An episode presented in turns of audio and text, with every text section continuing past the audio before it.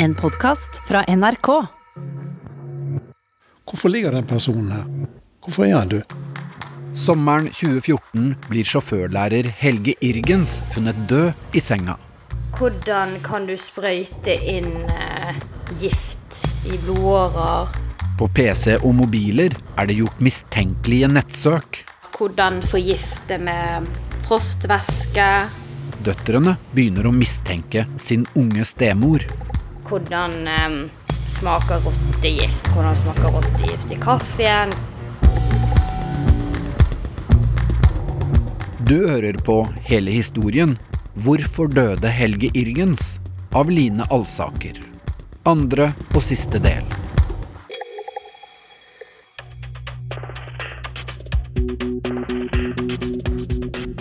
Da Helge Irgens døde, hadde han mye kullos i blodet, viser undersøkelsene. Vi slet vel egentlig med den kulloskilden. Konen Ruby ble hentet inn til avhør flere ganger. Etterforskningsleder i politiet, Torbjørn Mørk, lurer på hvorfor Ruby ikke er blitt forgiftet av kullos, siden hun deler soverom med ektemannen. Det var jo et stort spørsmål for oss. Og det er klart, da begynner man jo å tenke enda mer i baner. Kan hun ha noe med dette å gjøre? Men kan det være sånn at han har tatt livet av seg, og hun på en måte skjuler det? Etter hvert jobber 15 personer på fulltid med saken, med hjelp fra Kripos. Ok, Det du har forklart til politiet så langt, det, det, det forstår vi ikke at stemmer. Eh, Så vi mistenkte henne for falsk forklaring og avhørte henne som denne, men kommer egentlig ikke noe videre. Altså hun, hun, hun holder på en måte på sin forklaring. Ruby Rosa Verano har ikke ønsket å medvirke eller bidra i denne dokumentaren.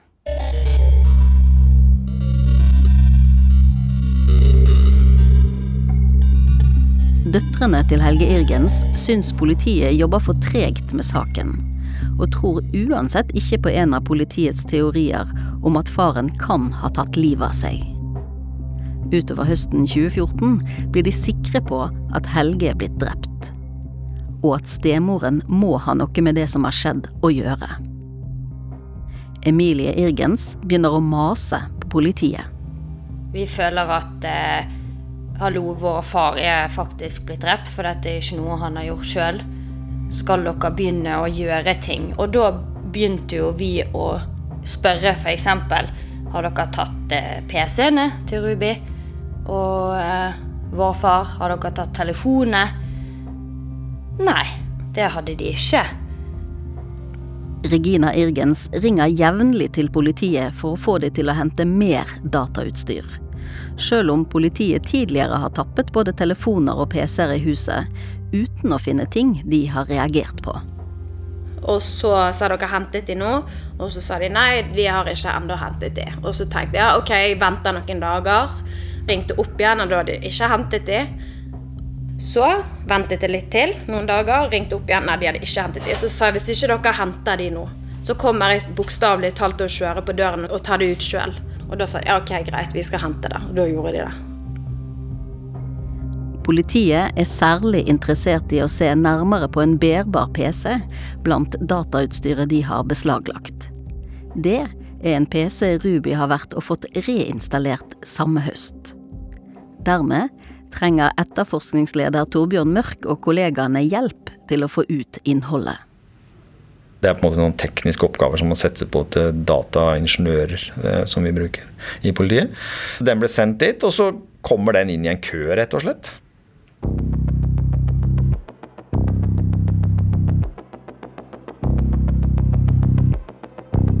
Regina Irgens blir mer og mer utålmodig, og syns politiet bruker altfor lang tid på undersøkelsene sine.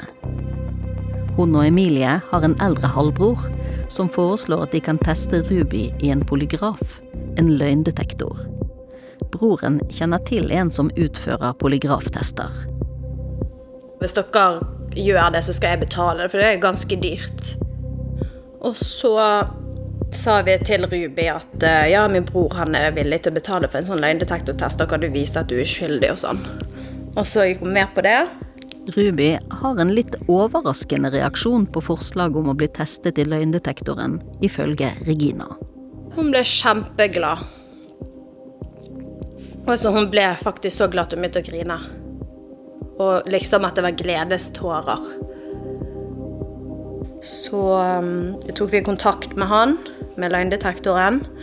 Forklarte situasjonen, og han var veldig ivrig.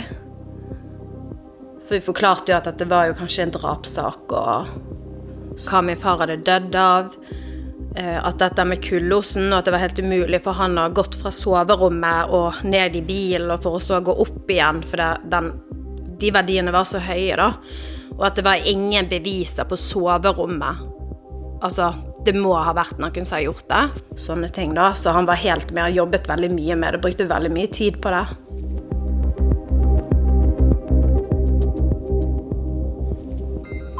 I slutten av oktober 2014 blir polygrafen rigget opp i stuen hjemme hos Emilie.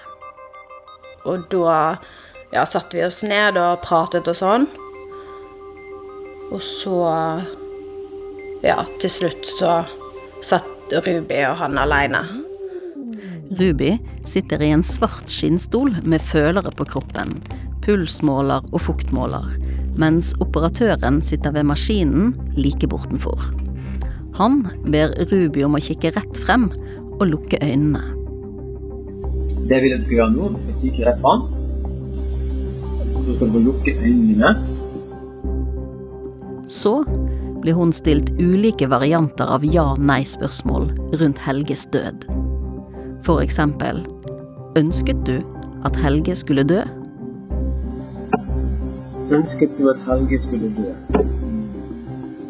Ruby ser avslappet, nesten uinteressert ut, mens hun sitter tilbakelent i stolen, mens operatøren spør om hun forgiftet Helge. Forgiftet du Helge? Han spør òg om hun lyger når hun sier at hun tror noen andre forgiftet Helge. Lyver du når du sier at du tror at noen andre forgiftet Helge? Løgndetektortesten varer i nærmere fire og en halv time, der Ruby svarer nei på alle spørsmål om hun har noe med Helges død å gjøre.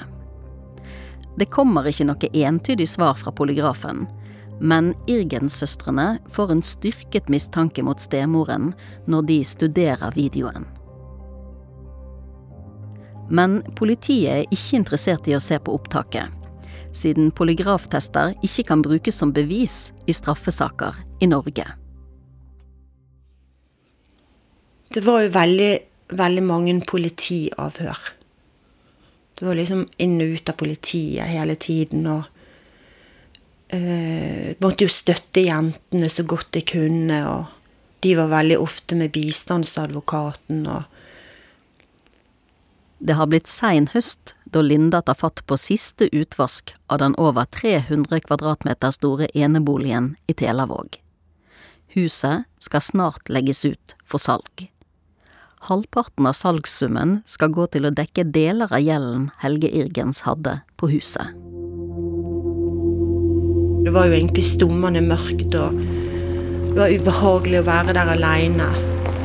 Og du husker det kom to ganger en bil opp til veien, som kjørte helt opp i inngangen. Og så når jeg kom ut for å se hvem det var, så bare rygget de ut i en kjempefart.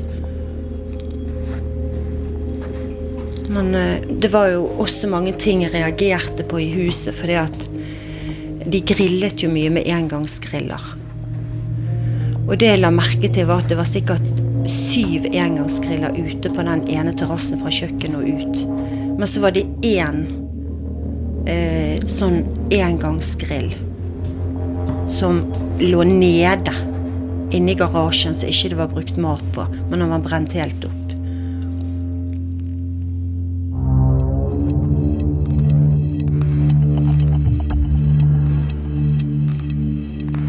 Ruby drar på besøk til familien på Filippinene 5.12.2014. Hun har planlagt å bli der til over nyttår. Linda sender en melding til Ruby om at huset er solgt tre dager etter. I januar 2015 får Torbjørn Mørk endelig tilgang på innholdet fra den bærbare PC-en som var blant datautstyret politiet beslagla fra huset i Telavåg i oktober året før. I begynnelsen av januar der, så, så er jeg inne og, og går gjennom den speilinga som er gjort. Da. da har vi fått tilgang på den. Speilingen av PC-en får frem innhold og søk som tidligere er forsøkt slettet ved å reinstallere maskinen. Torbjørn Mørk setter seg ned og begynner å leite etter spor. Du ser her er søkt på et ord og sånne ting, så det er liksom ikke sånn, du får ikke opp historikken sånn som du leser en åpen bok. at så gjorde du det, og så var det inne på den sida. Altså, det er ikke sånn. Men det var en del treff der som var ganske urovekkende, rett og slett. Altså, jeg søkte på, på suicide, og jeg søkte på kullo, så søkte på carbon monoxide og søkte på kill og mye sånt. Blant annet 'How to kill your husband without getting caught' var et søk som jeg fikk opp via en sånn Jeg trykka videre på noen linker. Og da var liksom da husker jeg lagra det og reiste tilbake på kontoret og samla han som var sjefen min, og sa at uh, dette må vi sette enda mer trykk på. Fra tidligere er Ruby mistenkt for falsk forklaring. Men politiet har ikke hatt noen annen grunn til å nekte henne å reise ut av landet. Nå er hun mistenkt for drap. Hva vil skje hvis Ruby får vite at politiet har funnet søkehistorikken på PC-en? Vil hun da komme tilbake til Norge? For Filippinene er et land Norge ikke har noen utleveringsavtale med. Denne informasjonen her må jo ikke lekke ut. ikke sant? Da visste vi allerede at hun hadde en returbillett da i februar. Så planen hennes var jo å komme tilbake. Så da blir det på en måte å jobbe ganske sånn i det skjulte. Politiet må finne ut hvem som har gjort de ulike søkene, siden Helge og Ruby hadde PC-en felles. Å få avklart, og spesielt rundt denne nettloggen, da, eller, eller PC-en de kan foreløpig ikke utelukke at det kan være Helge sjøl. Torbjørn Mørk får på nytt hjelp av en erfaren etterforskningsleder og en dataanalytiker fra Kripos. Selvmordssøk var det også der. altså Selvmordsforum og sånne ting. ikke sant? Men det er klart, altså Hvis du skal ta livet av noen, og ikke skal bli tatt for det, så er det ikke så dummeste å søke på et selvmordsforum for å få det til å se ut som et selvmord. Så, så da ble det jobba med videre de søkene. Finne ut hvem som har gjort det, men ikke ikke gå så Vi kunne ikke gå ut og avhøre vitner eh, liksom utafor den kretsen vi var i og sånne ting. Det nytta ikke, for det var jo livredd for at det skulle komme til informasjon.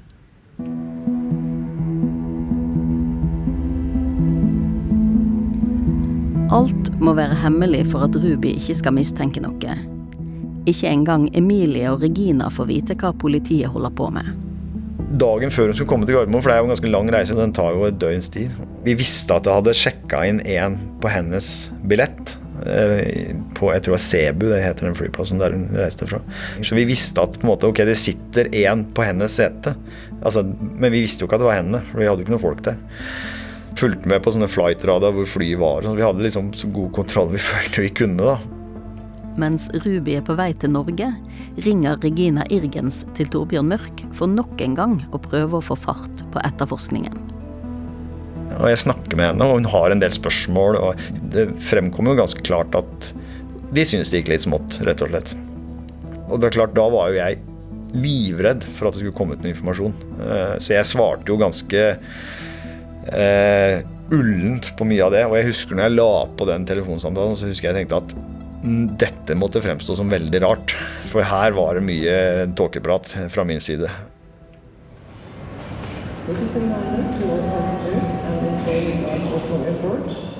Dagen etter lander flyet fra Filippinene på Gardermoen, der politiet venter.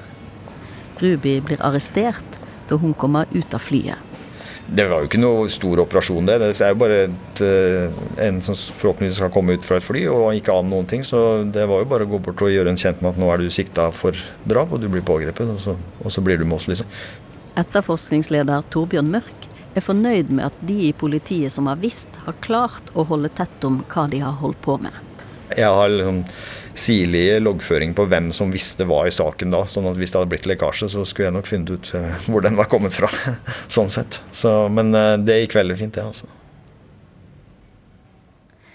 Regina Irgens får en telefon fra bistandsadvokaten ikke lenge etter at stemoren har landet på Gardermoen.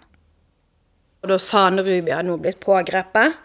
Og da husker jeg at jeg begynte å grine. Jeg bare falt helt sammen. Så tenkte jeg, ok, det var, det var sånn som vi trodde det var. Hun har tatt den, liksom. Og da fikk vi beskjed, tror jeg. Vi måtte ikke fortelle uh, det til så mange før det kom på nyhetene, da. Linda, moren til Regina og Emilie, har fått beskjed av samboeren om at flere aviser i Bergen vil snakke med henne. Døtrene er på besøk, for Linda har et bursdag. Så sier jeg til jentene det er noe som er på gang, jeg tror jeg må ringe til politiet. Verken Regina eller Emilie har fortalt moren at Ruby er arrestert, mistenkt for drap på faren Helge. Bergens Tidende og BA vil ha tak i meg. Og jeg vil ikke snakke med de før jeg har snakket med politiet. Hva er det som skjer? Så sa de ingenting. Og så ringte jeg til politiet, og han, eh, han sa da ikke jentene sagt noen ting. Nei, sa jeg. Ja vel, sa han bare. Så, men da, de er her, så jeg kan snakke med dem, da. Da var Regina og Emilie der, og sønnen min og min svigerdatter. Og så sier de det, mamma, det kommer på nyhetene nå. Ruby har drept pappa. Så da brøt jo jeg bare helt sammen. Eh, det vi skal fortelle om, er at politiet i Hordaland eh, politidistrikt i går pågrep en eh, kvinne på Oslo lufthavn Gardermoen. Denne kvinnen er 30 år gammel. Hun er siktet for overlagt drap. Kvinnen hun er filippinsk statsborger. Kvinnen er siktet for å ha drept sin, sin ektefelle, en 61 år gammel mann. Siktede har eh, fått en mulighet for å forklare seg for politiet. Og det vil bli berammet, eller er berammet fengselsmøte for Nordhordland tingrett i morgen.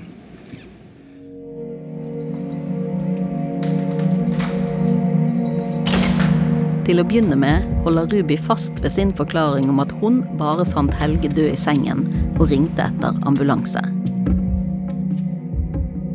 Men så forteller Torbjørn Mørk om søkehistorikken politiet har fått frem. Han drev jo en trafikkskole og var kjørelærer. ikke sant? Så vi, vi, hadde et søk som var gjort når vi så at hans kjørebil har passert gjennom en bomring. Så Noen sekunder etterpå så må han ha kasta seg på PC-en og gjort et søk. Ja, ok, Hvor sannsynlig er det, da? Det, det er på en måte en objektiv funn da, som, vi, som er bra å ha. Og et annet sånn objektiv funn som vi mente var, sentralt, da, det var liksom at hun hadde vært på en reise til Filippinene, og da var det gjort et søk fra den PC-en logga på et Wifi-nettverk på Kastrup, gjort et søk der når hun er på reise og hun har med seg den PC-en, og han ikke var med. Og det er klart, hvis du har gjort et søk, og jeg sier til deg ja, men det skjedde når du var på Kastrup, på en PC som du hadde med deg, men du sier at du har ikke gjort det. Det må du forklare til meg. Hvordan kan det henge sammen? For det forstår ikke jeg. Forklaringen hennes var at hun mente da at han hadde hacka eller fått det til på en måte å se sånn ut. da. Det som hun hadde søkt på på datamaskinen, det er jo helt sinnssykt. Emilie Irgens og søsteren får se søkehistorikken fra de beslaglagte PC-ene. Over 100-200 sider med bare forskjellige søkefelt nedover om hvordan du kunne lage saltsyre og batterisyre, og hvordan rottegift smakte, hvordan det smakte i kaffen, og hvordan du kunne f.eks. sprøyte inn f.eks. rottegift, og hva som ville skje hvis du gjorde det. Så det var på en måte da, når jeg så liksom at hun kunne søke på noe så forferdelig, og faktisk prøve å utføre disse tingene på vår pappa, det var jo da sinnet kom frem. Når vi leste side etter side etter side etter side.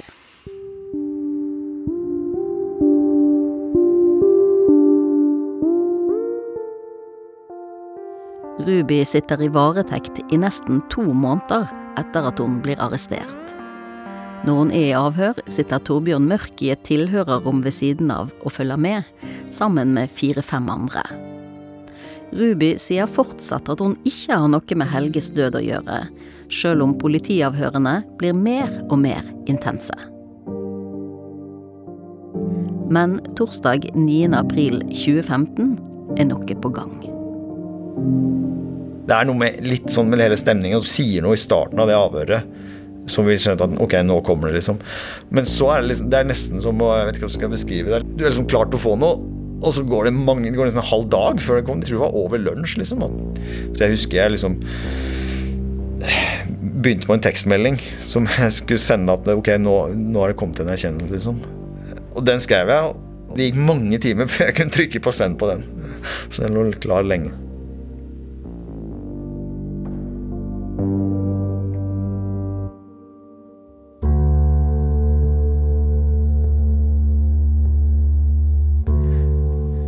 Ruby tilstår å ha drept Helge etter en krangel.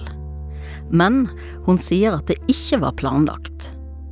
Måten det skal ha skjedd på, er at Helge den kvelden tok en stor dose beroligende piller, og så gikk og la seg. Ruby sier at hun gikk en tur og tenkte på hvor dårlig hun syntes hun ble behandlet, og på hvor sint hun var på ektemannen.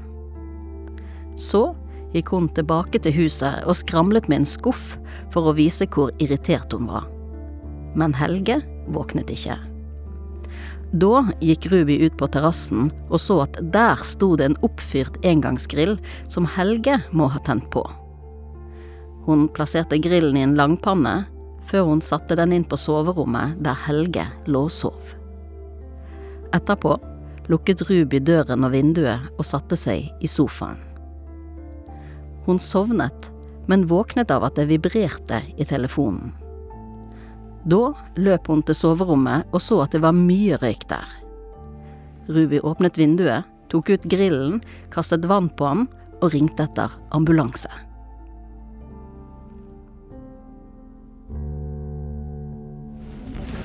Det var en kvinne preget av alvor som møtte i tingretten i dag. Hun har tilstått å ha drept ektemannen Helge Ove Irgens i juni 2014. Det viktigste for retten blir å avgjøre om kvinnen planla drapet og dermed kan dømmes for overlagt drap. For Emilie Irgens og søsteren ble det å sitte i rettssalen en stor belastning. Og da måtte jo Ruby gå forbi oss, så hun var vel kanskje bare en og en halv meter ifra meg. Jeg ser hun bare i profil, da, for hun går forbi meg med hodet litt ned. Jeg fikk et skikkelig sånn Akkurat som noen bare har skutt meg i hjertet.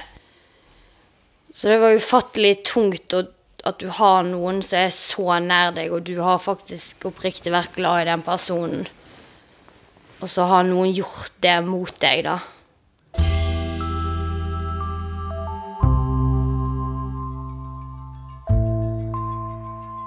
Det blir en del å fordøye for døtrene til Helge Irgens. Allerede i november 2013, mer enn et halvt år før faren dør, begynte Ruby å søke på internett etter det politiet mener er ulike måter å drepe ektemannen på. I PC-en er det registrert 249 unike giftsøk. Til sammen er det registrert 1002 treff på ulike varianter av søkene. Eksempel hvordan ta livet av seg med kullos. Hvordan brenne ned et hus uten å bli tatt. Hvor finner man kullos? Stories after the kill of a person. If you kill someone, don't google how to do it first. Ruby har òg gjort innkjøp i forbindelse med søkene. Hun kjøpte bl.a. vodka fire ganger, sjøl om hun sjøl knapt drakk alkohol, og Helge var tørrlagt alkoholiker. Hun kjøpte spriten etter å ha lest om forgiftning med ammoniakk og alkohol. Ruby har òg helt vodka i kaffen til Helge, som syntes kaffen smakte dårlig, og helte han ut. Andre innkjøp er rottegift, frostvæske og saltsyre. Fra første benk i rettssalen har de hørt sin stemor forklare seg om drapet på deres far, Helge Ove Irgens. Eh, det har vært trist, og det er slitsomt. Søstrene har flere venner og familiemedlemmer til stede i rettssalen for å støtte dem. Nei, Det er utrolig viktig å ha noen å støtte seg til. og ja, Hadde det ikke vært for de, hadde du sikkert ikke klart det så bra i dag. sånn. Å sitte i retten og høre på alt dette. Og, så det er godt å ha. Stemoren har tilstått å ha drept Irgens, men nekter for tiltalen på overlagt drap. Søstrene har bestemt seg for å følge rettssaken helt til slutt. Men jeg gleder meg til det er ferdig. I en av pausene under rettssaken legger Emilie Irgens merke til at to av Rubis venninner står og snakker med stemoren. Disse to venninnene skulle jo vitne og alt. Eh, så de sto jo og snakket på filippinsk, og de sto og lo høyt og alt mulig, når vi sitter kanskje tre meter eh, fra dem. Dermed blir stemningen amper i rettssalen. Og da Helt ærlig, da holdt det faktisk på å klikke for meg, så jeg, jeg ble så sint.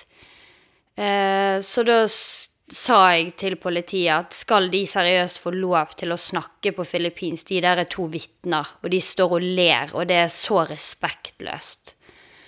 Og da eh, var politiet på lag med meg og sa at eh, de ikke fikk lov til å snakke sammen.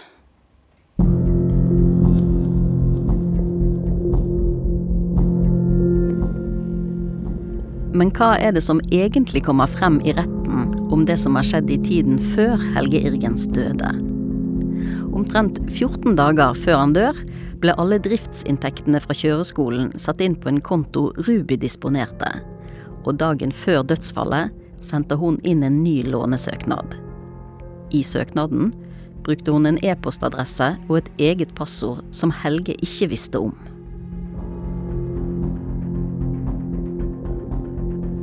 Kvelden før Helge døde, mener retten at Ruby lurte i ektemannen sovemiddelet Valagan etter at han hadde tatt to Sobril, som er beroligende tabletter. Etter at Helge la seg på soverommet, tente Ruby på en engangsgrill og ventet til flammene ga seg. Det tok omtrent 20 minutter. Hun plasserte grillen i en langpanne, satte den på et bord inntil sengen der Helge lå og sov, lukket døren og vinduet og satte seg på kjøkkenet og ventet. Retten tror ikke på det Ruby sier om at hun sovnet i sofaen etter å ha plassert engangsgrillen på soverommet. For bruken av data på PC og telefonen som politiet har fått frem, viser noe annet. Hun har brukt telefonen jevnlig gjennom natten. Og det er ikke lange nok pauser i bruken til at hun kan ha sovnet. Retten mener at Ruby drepte Helge for å komme ut av ekteskapet, uten å miste økonomisk trygghet, siden hun regnet med å få en god del penger etter salg av huset hun trodde hun kom til å arve etter ektemannens død. Retten mener derfor at drapet på Helge Irgens er planlagt og ikke gjort på impuls.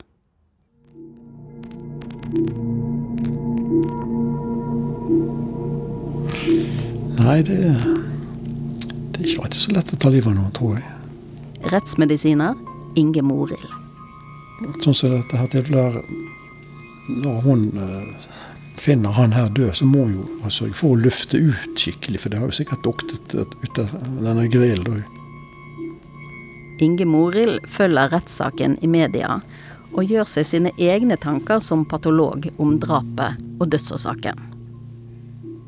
Vi hadde nok stått på vårt at døden skyldes kullosforgiftning. Og så da må det bli politiet sin jobb å finne det ut. Altså det, men jeg tror likevel hun hadde hatt en dårlig sak i, i retten. Eh, selv om ikke de hadde funnet noe på PC-en. For eh, når det ikke er noen annen kilde til kullos der, så Ja. Hva er det jeg sier? Bevisene lyver ikke.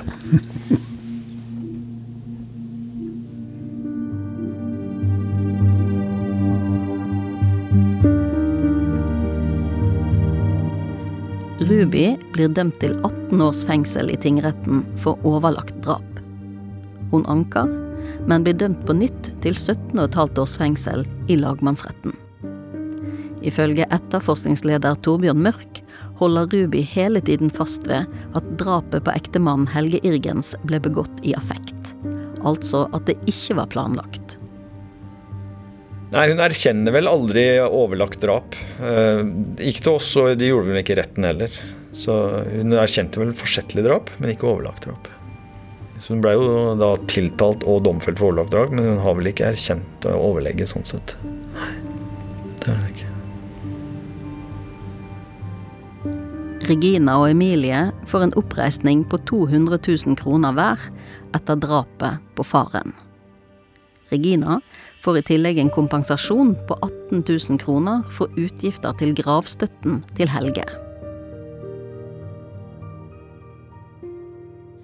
Man skal jo aldri stole 100% på noen.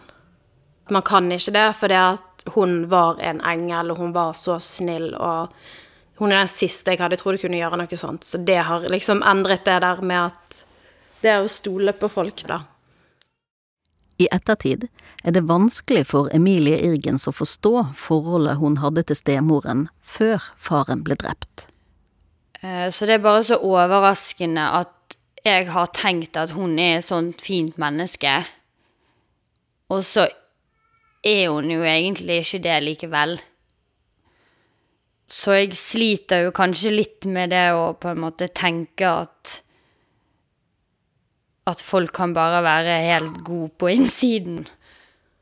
Altså, når dette skjedde, så var det liksom Jeg var så fokusert på det. Det var det eneste jeg tenkte på kanskje i tre år.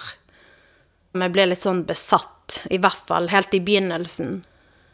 Men så tenker jeg det kan jo ha kommet noe positivt ut av det òg. Sånn som hvis andre mister noen eller opplever forferdelige ting, så føler jeg at jeg på en måte kan skjønne de Altså at jeg kanskje har lært litt av det. Og blitt mindre dømmende. Regina har plassert et minne om faren og den natten han døde, på kroppen bak i nakken.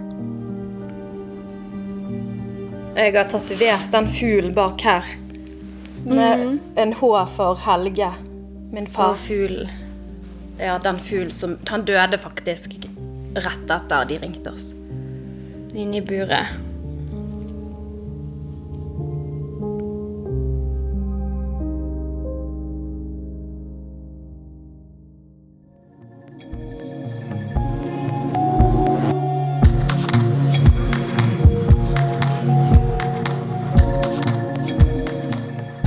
Du har hørt andre og siste del av Hvorfor døde Helge Irgens? av Line Alsaker. Lyddesign ved Kjetil Hansen. Produsent Kjetil Saugestad. Redaksjonssjef Ragnhild Veire. Polygrafopptakene eies av Regina og Emilie Irgens og er publisert med deres tillatelse. Hele historien har gitt Ruby Rosa Verano tilbud om å medvirke i denne dokumentaren, men det har hun takka nei til. Verano sier via sin advokat Cecilie Nakstad at hun ønsker å sone ferdig straffen, og vil ikke bidra til mer offentlighet rundt saken. Har du synspunkter eller forslag til oss, send oss en mail på helehistorien krøllalfa nrk.no. Du har hørt en podkast fra NRK. De nyeste episodene hører du først i appen NRK Radio.